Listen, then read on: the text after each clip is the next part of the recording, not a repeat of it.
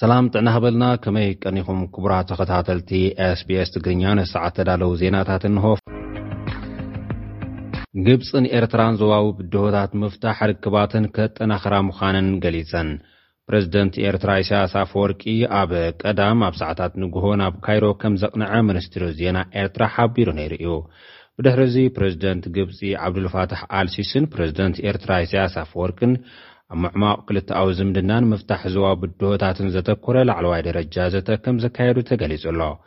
ኣብ'ቲ ኣኼባ ክልቲኦም መራሕቲ ኣብ መንጎ ግብጽን ኤርትራን ቁጠባውን ንግዳውን ጸጥታውን ምትሕብባር ንምምዕባል ዘለዎም ሓበራዊ ተገዳስነት ገሊጾም ኣለዉ።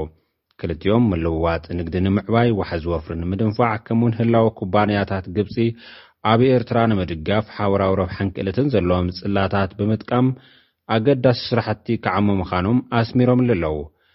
ፕረዚደንት ኢሳይያስ ኣፈወርቂ፣ መዘናኡ ፕረዚደንት ግብጺ ዓብዱልፋታሕ ኣልሲሲ ብዝገበረሉ ዕድመ መሰረት ኣብታ ሃገር ናይ ሰለስተ መዓልታት ምብጻሕ ከካይድ ምዃኑ ተፈሊጡ'ሎ።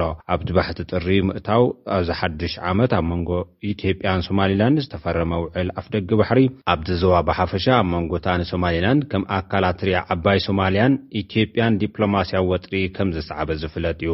ፕረዚደንት ሶማሊያ ነቲ ግዝኣታዊ ሓድነት ሶማሊያ ዝጻባእ ሓደገኛን ንጹግን ኢሉ ዝገለጾ ስምምዕ ንምቕልባስ ጽዑቕ ዲፕሎማስያዊ ዘመተ ኣብ ምክያድ ዝርከብ ኮይኑ፣ ኣብዚ ጉዳይ ንምዝራብ ናብ ኤርትራን ግብጽን በጺሑ ደገፍ ከም ዝረኸበ'ውን ክንገር ጸኒሑ'ዩ።